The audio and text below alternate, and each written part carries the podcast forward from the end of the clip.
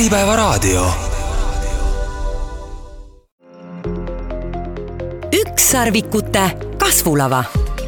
usaldusväärseimad töövahendid tulevastele ükssarvikutele tagab Valge Klaar, kõrgeim Apple'i teeninduse tunnustus Eestis tere tulemast kuulama Ükssarvikute kasvulava saadet, kus täna me räägime Web3-st ja stuudios on külalisteks Sander Kansen, Tallinna, Tallinna NFT peakorraldaja ja Tallinna Web3 nädala peakorraldaja, mis toimub juba järgmisel nädalal, ja Ketli Freerik idufirmast Totiland, tere tulemast! tere! tere! okei okay,, Web2-st oleme jõudnud Web3-e, mis juhtus? juhtus see, et äh, kui varasemalt äh, meile kõigile tundus mõistlik liikuda järjest rohkem internetti oma tegevustega, kus äh, osad ehitasid platvorme, teised panid sinna sisu ülesse, aga see sisu kuulus platvormi omanikele, siis mingi hetk hakkasid inimesed mõtlema, et aga mis oleks, kui see sisu, mida meie loome teiste platvormide peal, kuuluks tegelikult meile. ja tänaseks me olemegi siis ehitamas Web3-e, mis on põhimõtteliselt internet, kus igal digitaalsel infokillul on omanik et siis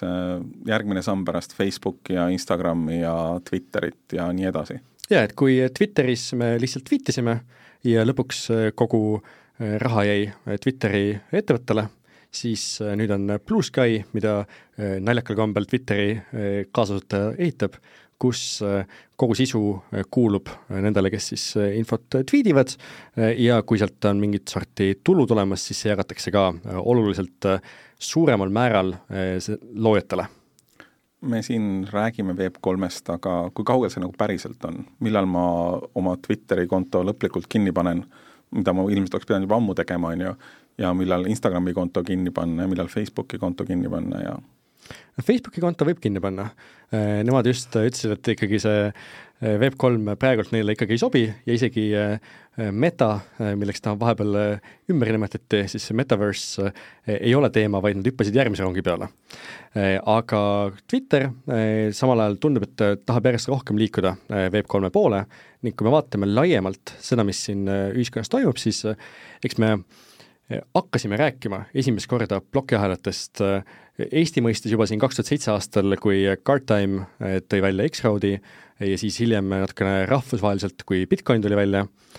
Ja sealt edasi siis nüüd kaks tuhat viisteist edasi Ethereum ja muud toredad loomad, kes on tekitanud järjest rohkem asju, kus päriselt saab midagi ehitada. ja nüüd siis viimased kolm-neli aastat on hakatud selle infra peale päriselt midagi ehitama ka. Äh,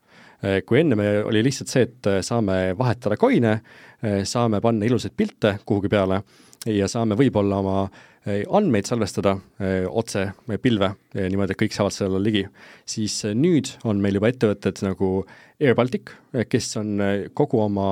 kliendi lojaalsusprogrammi ümber ehitamas NFT-de peale plokialasse. et lennukid lendavad Web3-s? ei, et lennukid lendavad seal, kus nad lendavad, aga need punktid, mida sina kogud, Eh, need on sul eh, kõigile eh, üheselt mõistetavalt verifitseeritavad ja neid saab ka kaubelda ja edasi anda, et kui sa olid Eestis-Lätis, lendasid hästi palju Air Balticuga, siis kolisid mujale, siis need punktid, mis sul kogutud olid, selle asemel, et nad lihtsalt jääksid sinna, saad need edasi anda oma nõbule või mõnele heale, heale sõbrale. Äh, samamoodi on äh, Škoda, kes ehitab nüüd äh, oma metaverse'i ja erinevaid lahendusi, kus sa saad anda oma auto kasutusõigust lihtsalt digitaalselt edasi, lihtsustades kogu protsessi. või inimestel hästi selline maalähedane, Saksamaal on õlletehas, kes otsustas, et nad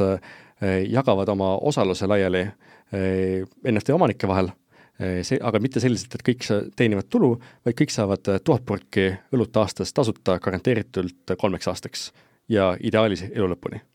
kõik see on see, mis on kuidagipidi Web3-ga seotud ja lahendused, mida täna juba ehitatakse. tuhat purki õlut aastas, see kõlab päris hirmsalt.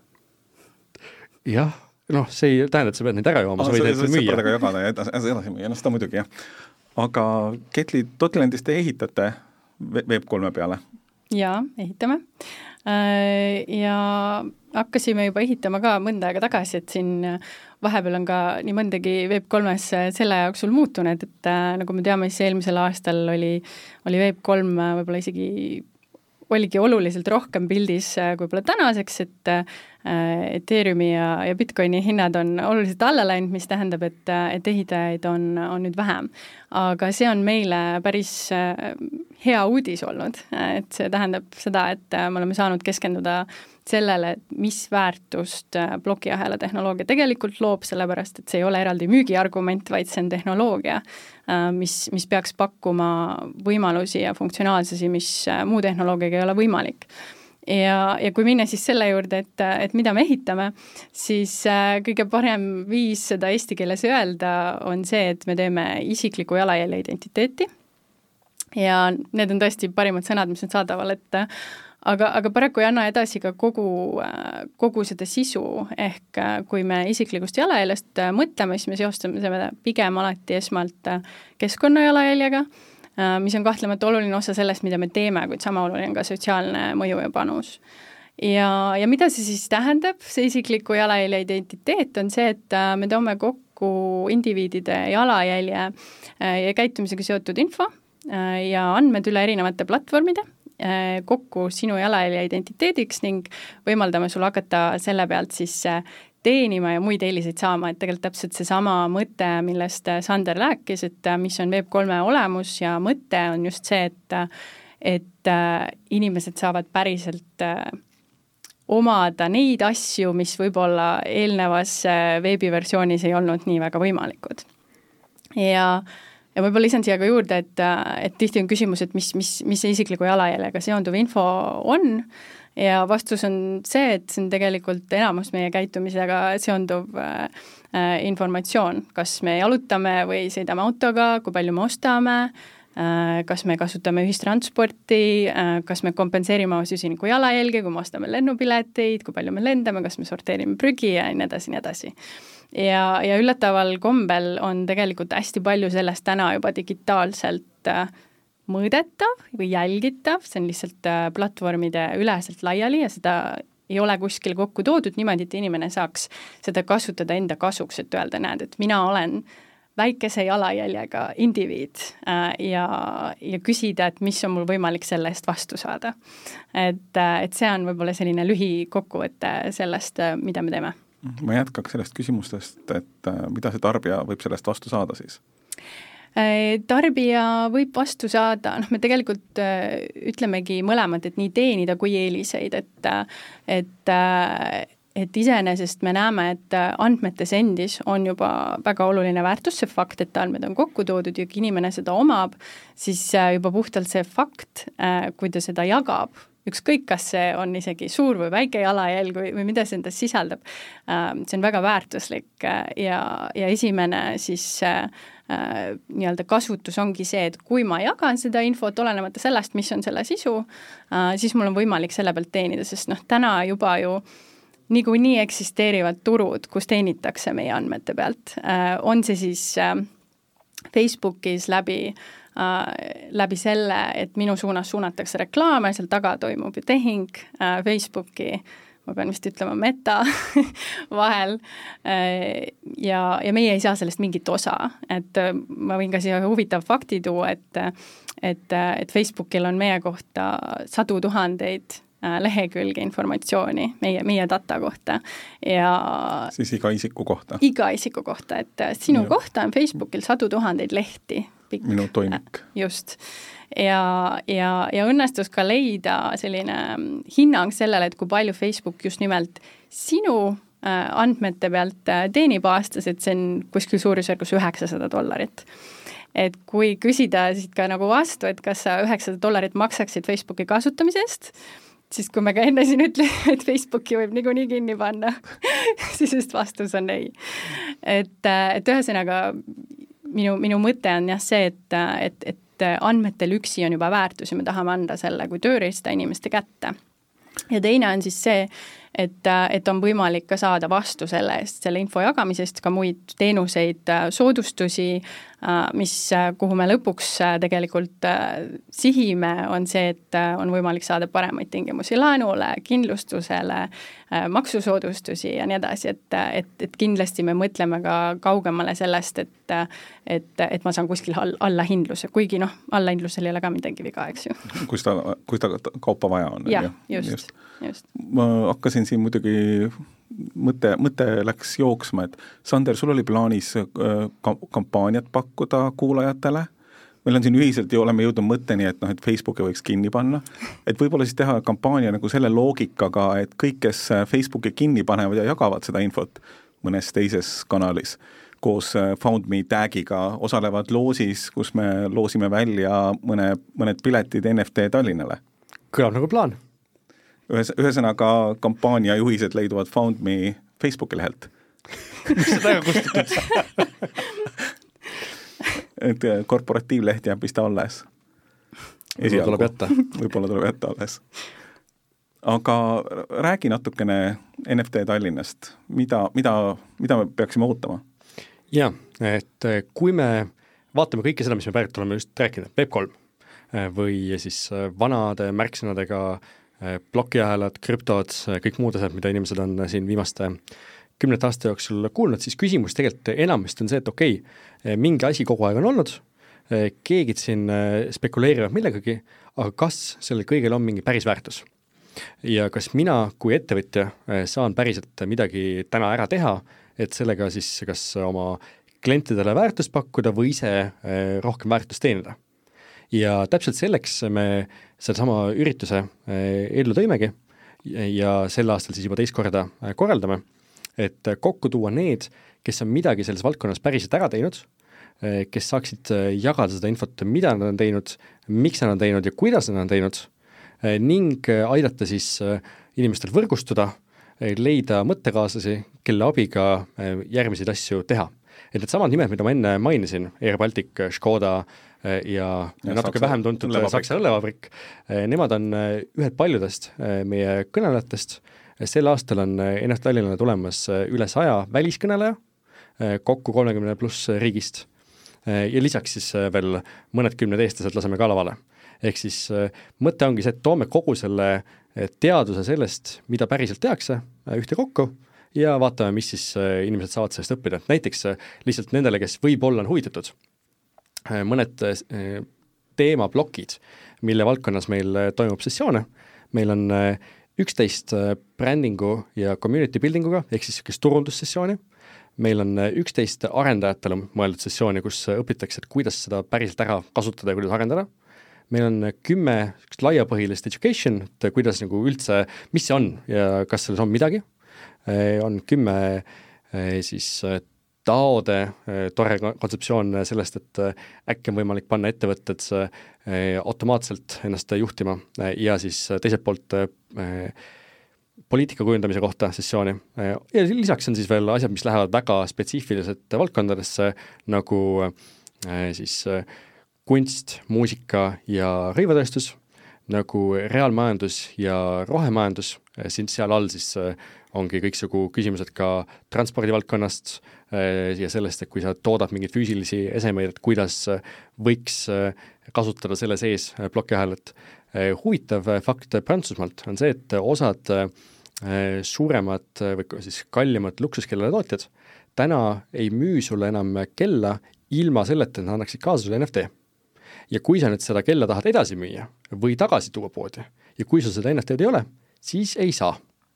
Äh, muusikavaldkonnas teine näide on see, et äh, viimane Ed Sheerani kontsert äh, Londonis oli nii, et kõik piletid müüdi NFT-na selleks, et neid ei saaks edasi müüa vähemalt mitte selliste kõrgete marginaalidega, nagu tihtipeale on varasemalt toimunud turgudel. lisaks räägime veel siis finantsvaldkonnast, mängudest, Web3 investeerimisest, ja vaatame laiemalt, kuhu see kõik tulevikus edasi liigub. mis su ennustus on, kuhu see edasi liigub? Eh, vaadates numbreid, siis kuigi Ketli just ennist mainis, et siin spekuleerimisturul on natukene hinnad kukkunud, samas, kui me vaatame lihtsalt võrdlusesse, et eelmine suur krüptovaldkonna kukkumine toimus kaks tuhat seitseteist aastal, mille tulemusena Ethereum või Bitcoin, mis käis ära kahekümne tuhande peale, kukkus kuskile vahepeal seal kolme-viie tuhande peale, siis täna olukorras, kus me räägime, et meil on krüptotalv, on Bitcoin kolmkümmend tuhat dollarit väärt. Ehk siis noh, asi on küsimus, et ta on, ta on kukkunud sellest kõrgest hetkest, kus ta korraks käis kuuekümne tuhande peal, aga ta on ikkagi kõrgemal, kui ta oli viimases tipus. Mm.. Ja noh, sellest vaadates asi on igati päevakohane. Ja täna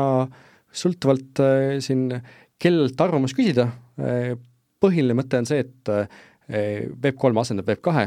ja kõikidele asjadele tekib mingil kujul see omandistruktuur sisse, lihtsalt enamikel kordadel lõppkasutaja ei tea, et ta kasutab NFT-d või mingisugust krüptolahendust, vaid see on sinna taustale ära peidetud. Mm.. hea näide eelmisest aastast, mis me õppisime NFT Tallinnal lavalt, et Microsofti Xbox Game Store, kõik mängud, mida sealt on võimalik osta, on NFT-d lihtsalt äh, klient ei tea seda, see on mõeldud ainult äh, Microsofti siseseks äh, info haldamiseks mm.. no sama, sama loogika, mis Ketli ennem rääkis äh,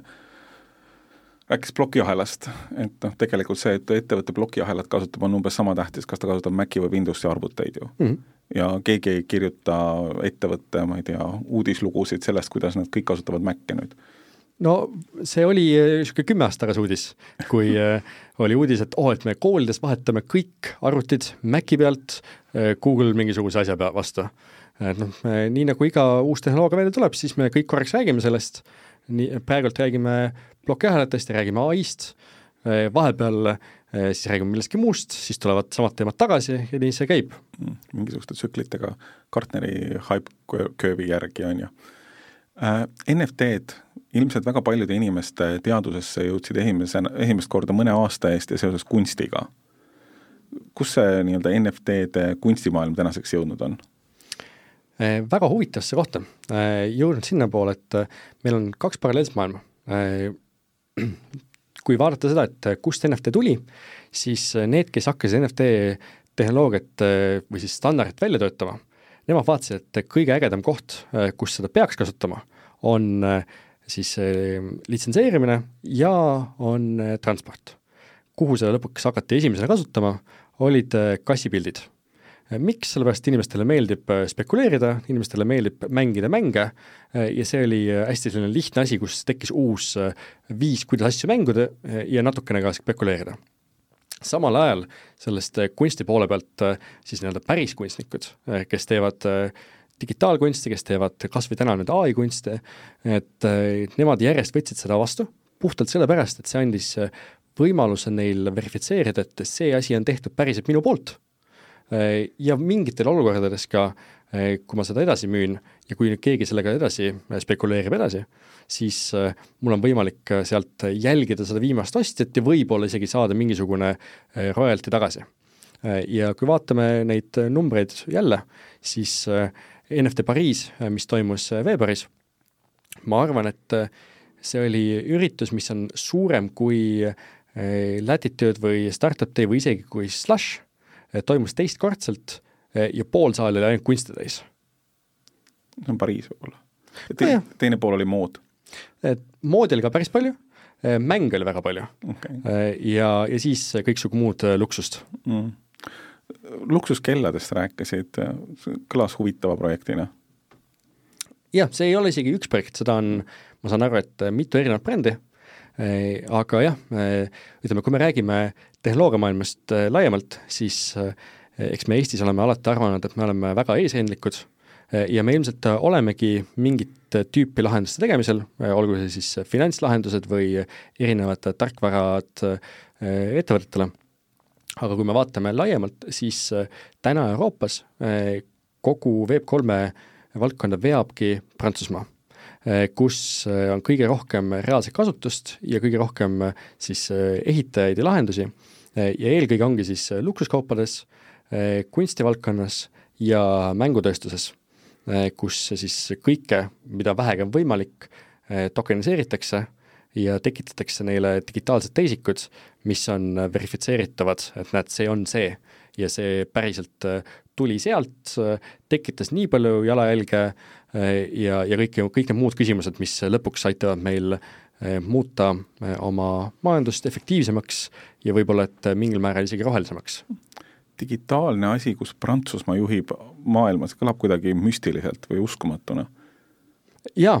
ma täiesti eh, esimest korda minnes eh, Prantsusmaal toimuvale Web3 üritusele, mõtlesin, et eh, seal toredad inimesed pidid kokku tulema, aga ma väga palju sellest ei oota mm. -hmm. ja siis läksin sinna ja olin täiesti niimoodi, et vau wow,, võrreldes sellega, kus ma just olin käinud Londonis, see oli kordades ägedam ja siis küsisin kohalikelt community ehitajatelt, mis te, mis tegite siin ütles, et noh, et äh, juhtus see, et kaks tuhat kuusteist, seitseteist äh, Prantsusmaa valitsus otsustas, et äh, siis Prantsusmaa tech tuleb viia maailma, esimesena nad hakkasid minema USA-s Las Vegases toimuvale CES-i üritusele, kuhu viidi korraga kakssada, kolmsada ettevõtet riigi rahadega EXPO-le, niimoodi, et kogu CES-i EXPO-st kolmandik oli ainult Prantsusmaa ja mingi hetk inimesed vaatasid, et oih, see ongi päris mingi teema. ja siis nad natuke muutsid ka seaduseid ja Prantsuse founder'id hakkasid tagasi tulema Prantsusmaale. ja nüüd ongi täna see, et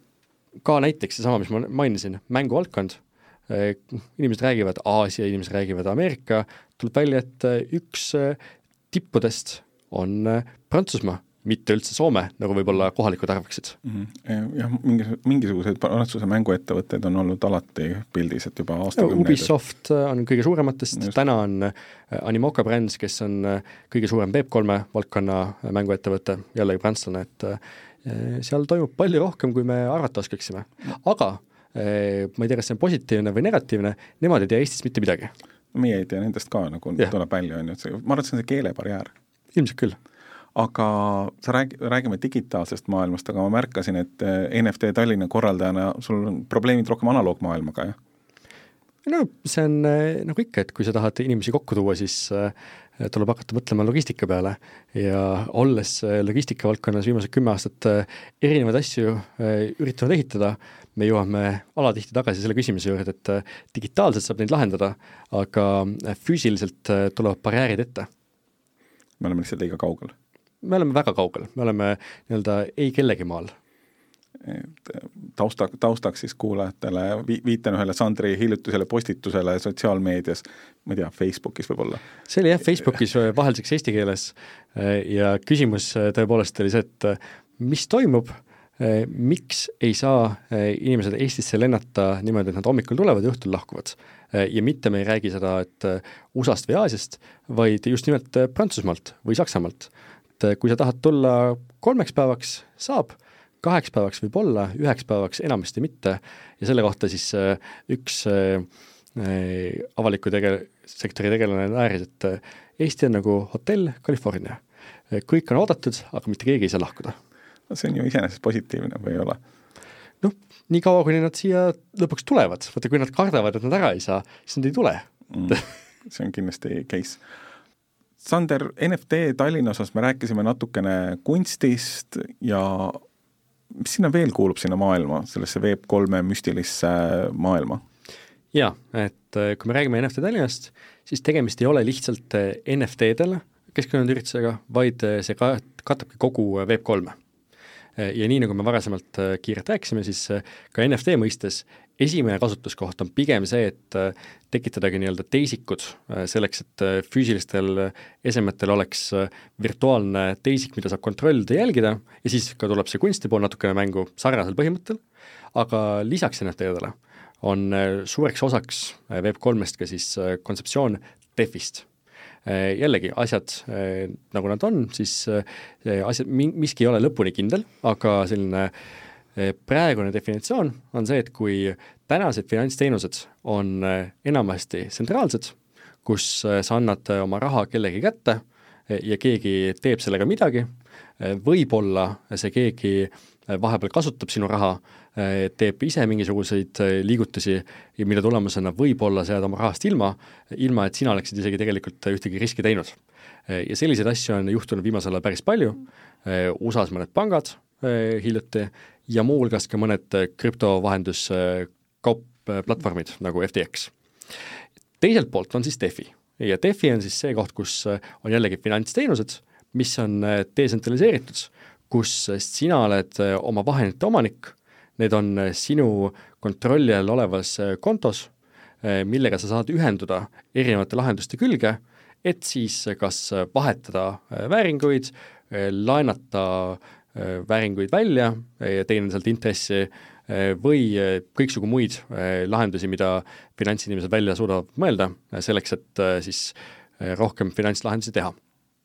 ja nüüd Steffi on ka kindlasti üks väga suur osa meie üritusest, kus me kaasame siis erinevaid valdkonnaspetsialiste rääkima sellest, et mida täna kõike saab teha ja mis see tegelikult on. ja teistpidi ka, kuidas see muudab meie õiguslikku regulatsiooni, sest väga palju on siiani räägitud DEF-ist just äh, selles kontekstis, et võtame erinevad panga äh, ülesanded, jagame need laiali erinevateks tükkideks ja siis meil on hulk erinevaid lahendusi, kus äh, sa päris täpselt ei tea, millist sa pead kasutama selleks, et saada seda konkreetset teenust. ja sellest lähtuvalt on ka siis uued DeFi lahendused, kes juba võtavad kõik needsamad pangateenusega ühte kohta kokku tagasi, et sul on kindel partner, kelle juures sa kasutad, aga lihtsalt rahakontroll on sinu käes. sa ei anna seda kellegi teise kätte vahepeal ära. ja siis DeFi Eh, väga lähedane sugulane on eh, Refi, eh, mis põhimõtteliselt võtab selle finantsmaailma ja lisab sinna juurde selle rohemaailma või siis selle poole, kuidas me saame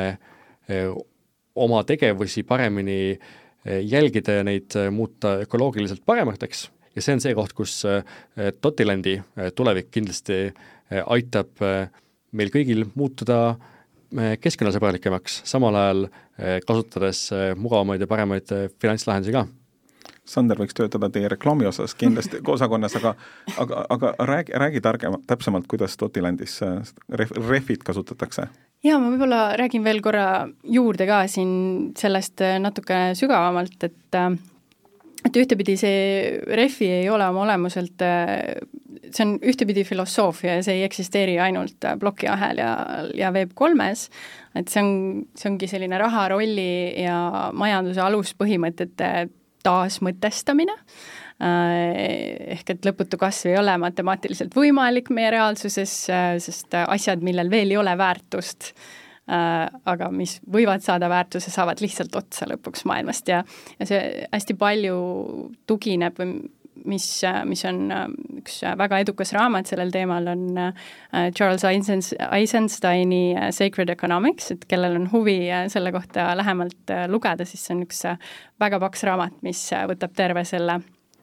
ter-, terve selle filosoofia ja nägemuse lahti, et kuidas siis võiks majandus teisiti toimida, et ta ei tugineks ainult lõpmatule kasvule. ja üks teine oluline aspekt, mida, mida ka see raamat käsitleb ja mis on väga oluline, oluline põhimõte Refis äh, on väliste faktorite sissetoomine majandusmudelisse, ehk siis äh, ennekõike loodus ja selle hävitamise kõrvalmõjud, aga ennekõike ka hind, ehk siis äh, tegelikult me täna ei võta päris arvesse kõikide asjade toodangute päris hinda. et me võtame selle maavara hinna kui sellise, kui palju kelle, kui, kui palju ka keegi seda müüb, aga mis on selle mõju ökosüsteemidele ja, ja planeedi tulevikule, äh, neid arvutusi tegelikult ei tehta. ja, ja ma arvan, et see on üks peamiseid põhjuseid, äh, miks me näeme päris palju rehvi äh, ettevõtteid just plokiahelas ja Web3-s, sest oma olemuselt on see ju justkui raamatupidamine, et hakkame nüüd raamatupidamist tegema, et kui palju kui palju siis maksab tegelikult ühe puidust laua tootmine ja, ja mis on kõik need etapid, mida peaks arvesse võtma ja kuidas seda tegelikku mõju arvutada ja, ja, ja plokiahel ju äh, ongi selline suur, avatud, läbipaistev, usaldusväärne äh, suur raamatupidamisraamat äh,, kuhu saab kõik kirja panna, jälgida äh, ja, ja tegelikult siis tuuagi need äh, majandusse sisse ja ja noh, näiteid äh, võibki tuua, et, et, et mis lahendusi selles juba on, et seal on, on palju selliseid kliimaettevõtteid, kes on suunatud just süsinikukrediitidele, tuuakse neid plokiahelale, et oleks ka läbipaistev see kauplemine, seal on veel kindlasti omasid kasvuvalusid, sest see turg iseenesest vajab veel lahendamist, et plokiahel ei saa kõiki muresid ära lahendada. Ähm, ja, ja samuti ka näiteks paralleelina siis päris maailmavarade tokeniseerimine, et ma ei oska seda tokeniseerimise sõna kuidagi teisiti öelda, aga põhimõtteliselt on ka arvele võtmine äh, plokiahelal äh,. et, et me registreerime nende varade olemasolu, me anname neile väärtuse äh, ja, ja kui neil on ka väärtus, siis, siis on ka mõtet arvet pidada, et kes, kes midagi kus omab ja ja mitte ainult äh, hävitamine ja mahavõtmine ei ole väärtus iseeneses, et äh, ma arvan, et see on just selline huvitav äh, Äh, näide selle kohta, kuidas see, seda on tõesti plokiahelat on, kasutatakse siis sellise raamatupidamise vahendina ja ja, ja see on ka paljuski see, kuidas me ise äh, Dotilandis seda, seda kasutame, et et, et see ongi indiviidi äh, jalajälje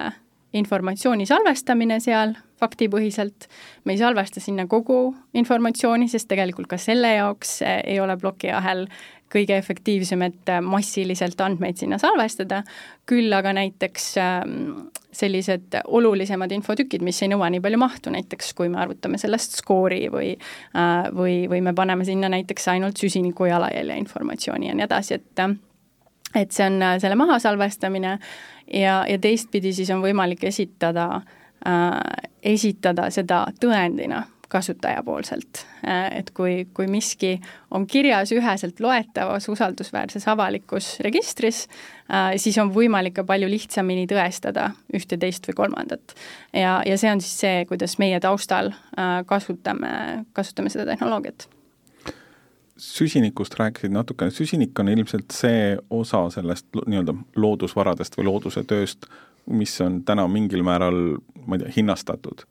aga mis, mis näiteid veel võiks tuua, mis võiks seal süsinikule lisaks veel olla? noh, meil on siin kodumaine ettevõte võtta ka näiteks Single Earth, kes,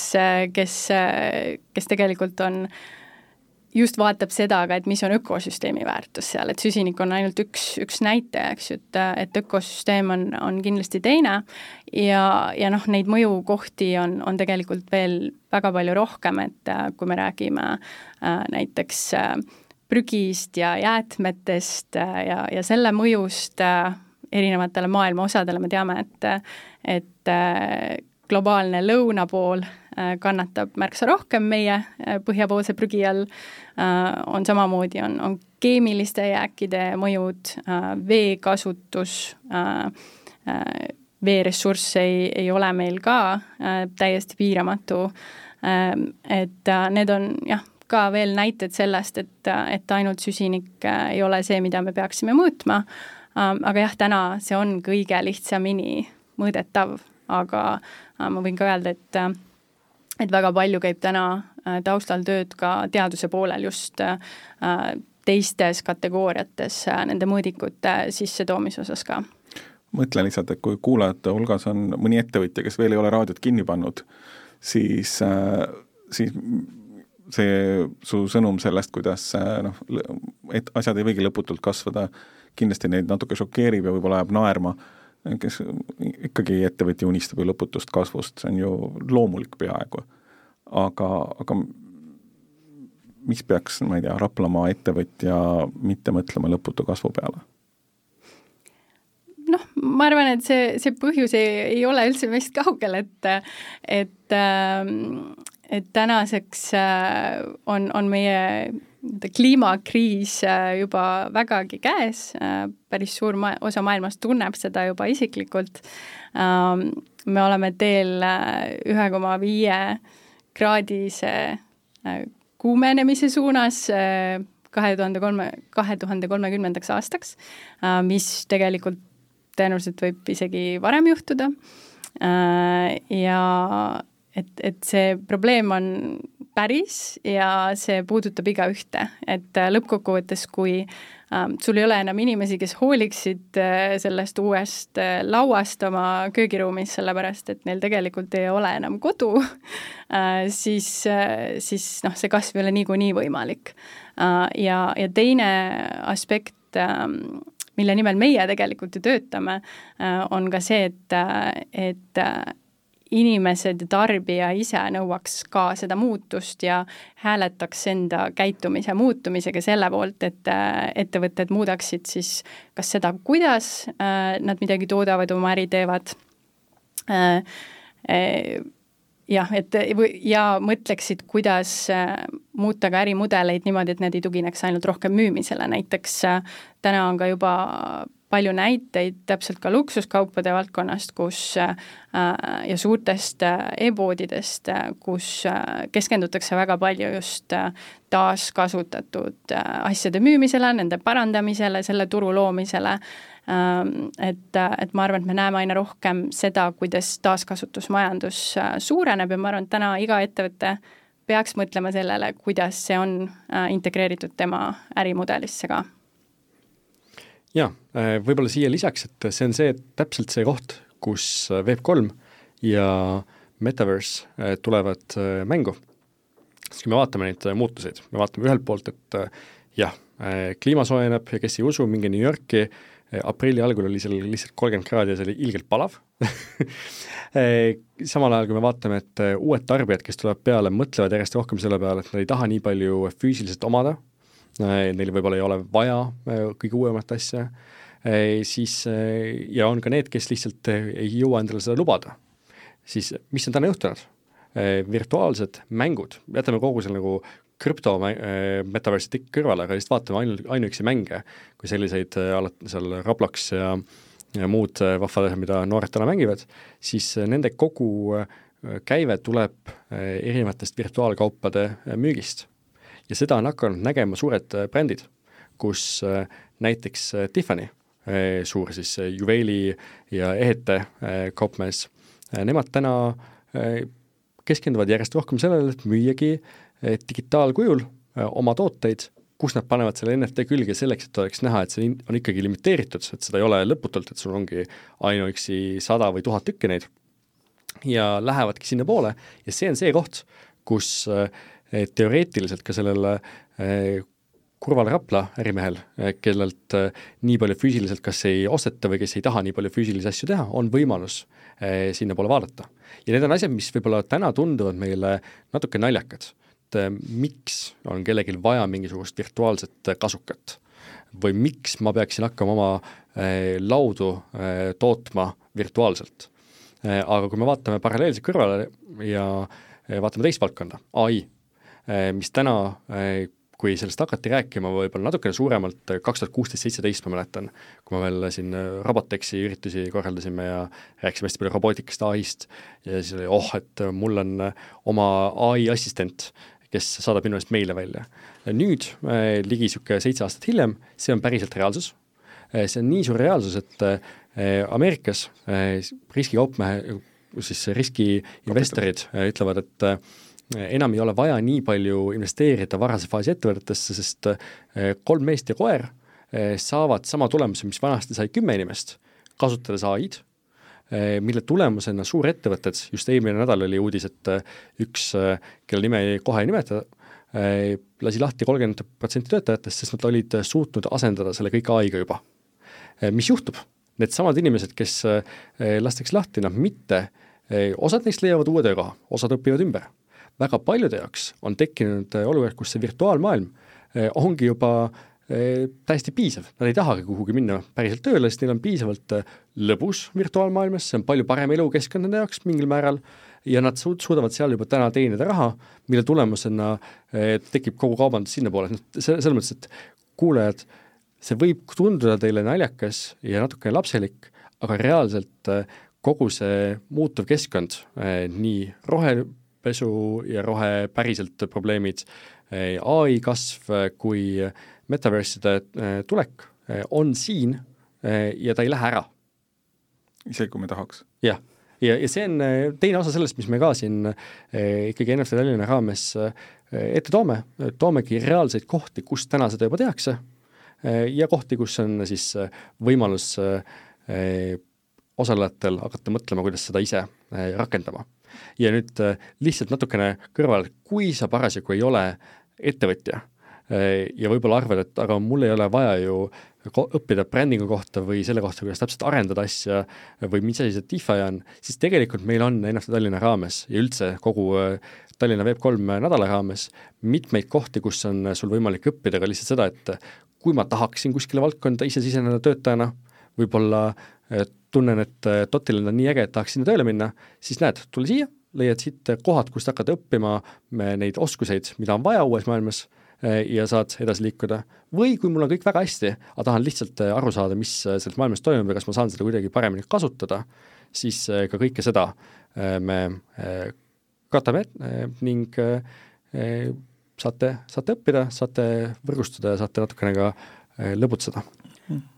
ma lisaks veel siia juurde, et äh, tegelikult see on selle tehnoloogia selline huvitav ikkagi ju algusaeg, kus, äh, kus kui, kui sa ei tea sellest veel mitte midagi ja täna hakkad selle kohta alles õppima, ähm, siis kuue kuu pärast on sul juba turul eelis äh, inimesena, kes oskab teistele nõu anda, oskab nõustada, et et see on ka üks, ma arvan, väga reaalne karjääritee nii-öelda. ja see digitaalsed asjad ei ole ju tegelikult nagu väga uus asi. ma mäletan, et soomlaste Hapo hotell oli vist kakskümmend aastat tagasi Soome suurim mööblikaupmees. Hapo hotell oli laste 2D või 3D tasemel mäng, kus inimesed said oma tubasid sisustada. ja NFT-sid vist küll eriti kasutuses ei olnud, aga et digitaalset mööblit oma tuppa nad müüsid rohkem kui Soome päris mööblipoed kokku. jah, kaks tuhat aastal sai mängitud päris palju Äh, RuneScape'i, äh, mis oli tolleaegne üks äh, mängudest, kus said puid lõhkuda ja said kive korjata ja muid asju teha ja juba siis reaalselt oli võimalik võtta seal tehtud töö tulemusel saadud kuldmündid ja need müüa kellelegi teisele. kahjuks, kuna siis ei olnud neid Web3 lahendusi, kus oleks võimalik verifitseerida üksteise isikuid ja kõiki muid tegevusi, siis eh, see kõik käis läbi mustade turgude, eh, kus pooltel kordadel sa vastu ei saanud raha, aga siis, kui said, siis läks hästi. ja nüüd see on see koht, kus jällegi Web3 tuleb mängu, et tegevused, mida me oleme teinud juba rohkem kui kakskümmend aastat, neid saab nüüd teha niimoodi, et sa ei pea kartma, mis teisel pool toimub, sest vastupidiselt laialt levinud arvamusele, kõik, sada protsenti kõik tegevusi, mis toimuvad plokiahela peal, on jälgitavad. Just eile tuli selle kohta uus uudis, et USA valitsus teab iga tehingu osapoolt täielikult. see Tiffany näide oli huvitav, aga samas NFT Tallinna esineb ka Škoda. no kaks nagu, vähemalt ettekujutuselt kaks täis, täiesti teist äärmust. kuidas nagu, milleks Škodale on vaja NFT-sid? aga miks mitte? Miks neil ei ole vaja? Škoda on ka ikkagi ettevõte ühelt poolt, ta on äh, täna ju samas grupis, kus on äh, Volkswagen ja kus on äh, Porsche ja Porsche on muuhulgas väga suur äh, Web3 äh, edasiarendaja ka. aga selles grupis ma oletaks, et Porsche teeb oma NFT maailma liigutusi, mitte Škoda järelikult Škoda meeskond lihtsalt mõistis, et võib-olla tuleks tuleks teha midagi, mis on ja noortepärane, selleks et äh, ka auto äh, muutuks natukene popimaks, selle kohta muidugi mul mõned äh, kilomeistrid sõbrad ütlesid, et alustada tuleks rebranding ust, et ei oleks nimi enam Škoda. Nad võtsid Ša pealt äpi ära, ilma Šata nüüd tänapäeval vist. aa, no vot, ei ma ikka näen, et Škoda vers, seal okay. on Ša olemas aga nemad, eh, ma saan aru, et nad alustasid tegelikult üldse, kõigepealt tegid mingisuguse NFT kollektsiooni koos eh, Tour de France'iga, eh, siis nad ehitasid virtuaalreaalsus keskkonna, kus oli võimalik, kui sa autot tellid, kõiki lisasid proovida, siis nad ehitasid 3D sketšingu poole selleks, et iseenda nii-öelda majasisest tööd efekti-, efektiivsemaks muuta, tänaseks neil on veel erinevad siis eh, AR eh, siis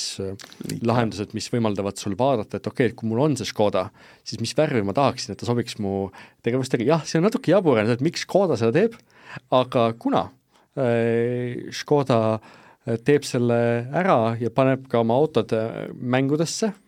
mingil viisil, siis kuna nad on samas grupis, mis kogu ülejäänud Volkswagen Grupi ettevõtted, siis nad saavad sealt seda ka teistele edasi anda, nii et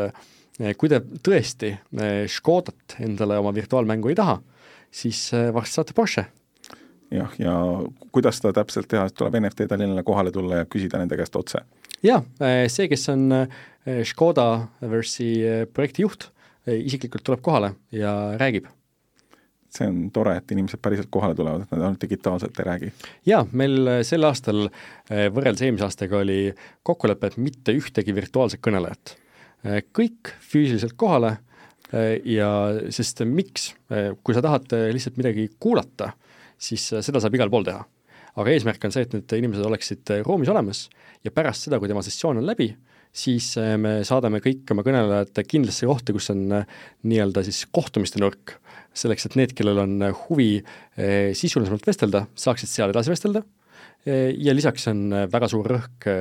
võrgustamisel, kasutades siis moodsaid lahendusi selleks, et leida endale kõige õigemad osapooled, kellega siis kohtuda ja nendega siis äh,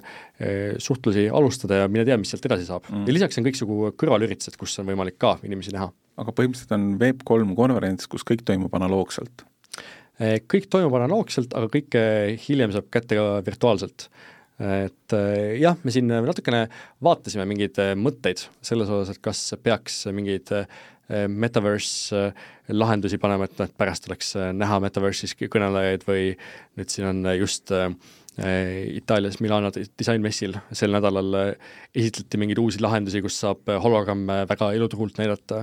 aga kui me räägime konverentsist kui sellisest, siis selle eesmärk on ikkagi see, et inimesed tuleks kokku ja räägiksid omavahel. et kõike muud me siin Covidi ajastul oleme proovinud,